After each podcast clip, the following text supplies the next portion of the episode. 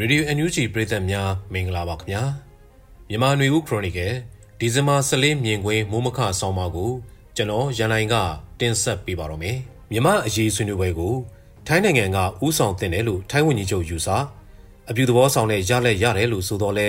ရှမ်းမြောက်မှာတိုက်ပွဲတွေပြင်းထန်နေစေမြန်မာနိုင်ငံရဲ့လက်နက်ကင်တိုက်ပွဲတွေနေဇံမြင်းကိုကြော်ဖြတ်ရောက်ရှိလာတဲ့စစ်ပေးရှောင်ဒုက္ခသည်တွေနေဆက်ကိုတရားမဝင်ဖျက်ကျော်ဝင်ရောက်နေတဲ့အလို့သမားတွေ နိုင်ငံရေးအရထွက်ပြေးတိမ်းရှောင်သူတွေ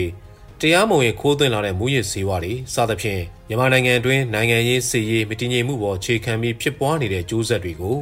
အများဆုံးတက်ရောက်ခံစားရတယ်လို့ဆိုတဲ့ထိုင်းနိုင်ငံအနေနဲ့မြန်မာရေးဆွေးနွေးပွဲတွေကိုအာဆီယံနိုင်ငံတွေကိုစားဥဆောင်ဆွေးနွေးတဲ့လို့ထိုင်းဝန်ကြီးချုပ်စရတ်တာတာဖဆန်က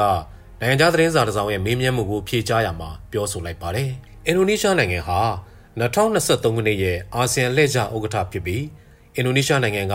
အာဆီယံအဖွဲ့ကိုစားမြန်မာရင်းနဲ့ပတ်သက်လို့သက်ဆိုင်တဲ့အဖွဲ့အစည်းတွေအားလုံးနဲ့တီးခြားစီတွေ့ဆုံကအပြေရှာဖို့ကြိုးစားနေတာဖြစ်ပါတယ်။ပြီးခဲ့တဲ့လနှောင်းပိုင်းက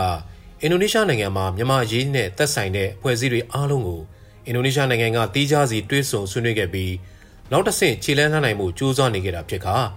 အဲ့ဒီတီးခြားတွေ့ဆုံဆွေးနွေးမှုတွေအနက်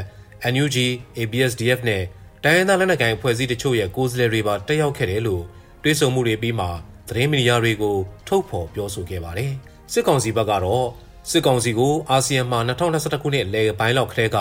နိုင်ငံရေးကိုယ်စားလှယ်မဟုတ်တဲ့နိုင်ငံခြားရေးဌာနကရရှိတွေကိုသာအစည်းအဝေးတွေတက်ရောက်ခွင့်ပေးမယ်ဆိုတဲ့အာဆီယံရဲ့တန်ခတ်တဲ့ဆုံးဖြတ်ချက်ကိုလက်မခံတဲ့အနေနဲ့အာဆီယံအစည်းအဝေးတွေကိုကိုယ်စားလှယ်ဆီလွတ်တာမရှိတော့သလိုအခုအင်ဒိုနီးရှားနိုင်ငံကကမကထလုပ်တဲ့သက်ဆိုင်သူအားလုံးကိုတီးခြားစီဆွေးနွေးတဲ့စည်းဝေးတွေမှာဂျားကန်သူတွေသာတက်ရောက်တယ်လို့သတင်းထုတ်ပြန်ခဲ့တာဖြစ်ပါတယ်။ စစ်ကောင်စီဘက်ကပြောရေးဆိုခွင့်ရှိသူကတော့ဂျားကန်သူတက်ရောက်တယ်ဆိုတာကိုလည်းအတိမပြုသလို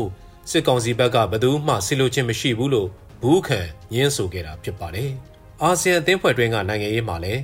အင်ဒိုနီးရှားနိုင်ငံနဲ့ထိုင်းနိုင်ငံတို့ရဲ့ဥဆောင်မှုနေရာအားပြိုင်မှုရှိနေတယ်လို့လေလာသူအကဲခတ်သူတွေကယူဆထားကြပြီးဇူလိုင်လ9ရက်နေ့ကထိုင်းနိုင်ငံသားရေးဝန်ကြီးနေပြည်တော်ကိုတိတ်တဆိတ်လာရောက်ပြီးဒေါ်ဆန်းစုကြည်နဲ့တွေ့ဆုံခဲ့တဲ့ဖြစ်ရပ်ကိုအာဆီယံလဲကျဥက္ကဋ္ဌဖြစ်တဲ့အင်ဒိုနီးရှားနိုင်ငံက အာဆီယံအဖွဲ့ပေါင်းတွင်းကမြန်မာအရေးကိုဖြည့်ရှင်းဖို့တွယ်ဝိုက်ဝေဖန်ခဲ့တာလည်းဖြစ်ပါတယ်။မကြခင်လပိုင်းတွေကအစိုးရသစ်အဖြစ်ဖွဲ့စည်းခဲ့ပြီးဝန်ကြီးချုပ်တောင်ဝန်ထမ်းဆောင်သူတာဖီဆန်ကအခုလိုမြန်မာအရေးဖြည့်ရှာမှုမှာကောင်းကျိုးဆိုးပြစ်အများဆုံးခံစားရတဲ့ထိုင်းနိုင်ငံနေနဲ့ဥဆောင်နေကြောင်းအလေးပေးပြောဆိုလိုက်တာဖြစ်ပါတယ်။မြန်မာနိုင်ငံတွင်းမှာဖြစ်ပွားနေတဲ့လက်နက်ကိုင်ပဋိပက္ခတွေတိုက်ပွဲတွေရဲ့အကျိုးဆက်အကျိုးသက်ရောက်မှုတွေကဒေသတွင်းကိုကူးဆက်လာနေကြောင်း မူရစ်စေဝါထုတ်လုပ်မှုလိုမျိုးကိုတာရကပြုပြီးပြောဆိုသွားတာဖြစ်ပါတယ်။နေ့အတန်းကြာထိုင်းနိုင်ငံရဲ့အာဏာသိမ်းစစ်ဗိုလ်ချုပ်ကြီးပရောယုတ်ကဝန်ကြီးချုပ်တာဝန်ကိုယူခဲ့ရာကမကြာသေးခင်လပိုင်းကမှအယက်သားဖြစ်တဲ့ထေဝစင်က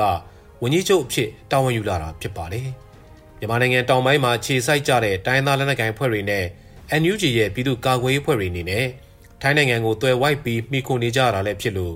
ထိုင်းနိုင်ငံရေးမှာအပြောင်းအလဲတွေဖြစ်ပေါ်တိုင်း မြမအရေးကိုလည်းအ ਨੇ နဲ့အများတက်ရောက်မှုတွေရှိနေတာဖြစ်ပါတယ်။ဒီကနေ့ဖို့နောက်ထပ်အကြောင်းအရာတစ်ခုကတော့တရုတ်နိုင်ငံသားရေးဌာနကပြောခွင့်ရှိသူကမကြခင်ရပ်ပိုင်းတွင်းကတရုတ်နိုင်ငံယူနန်ပြည်နယ်ကူမင်းမြို့မှာပြုလုပ်ခဲ့တဲ့စစ်ကောင်စီနဲ့မြောက်ပိုင်းလက်နက်ကိုင်ညီနောင်သုံးဘွဲ့တို့ကြားဆွေးနွေးပွဲက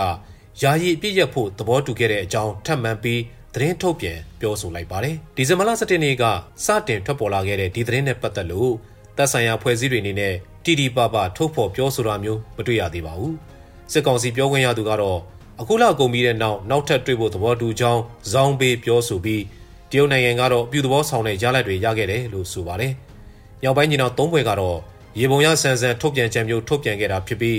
လက်ရှိနမ်ခမ်းမူဆဲနမ်ဆန်တို့မှာ TNL လက်လက်ကင်အဖွဲ့နဲ့စစ်ကောင်စီတို့ကြားပြင်းပြင်းထန်ထန်တိုက်ခိုက်မှုတွေဆက်လက်ဖြစ်ပွားနေပြီးထင်ထားတာထက်ငြိမ်သက်နေတဲ့စစ်မျက်နှာက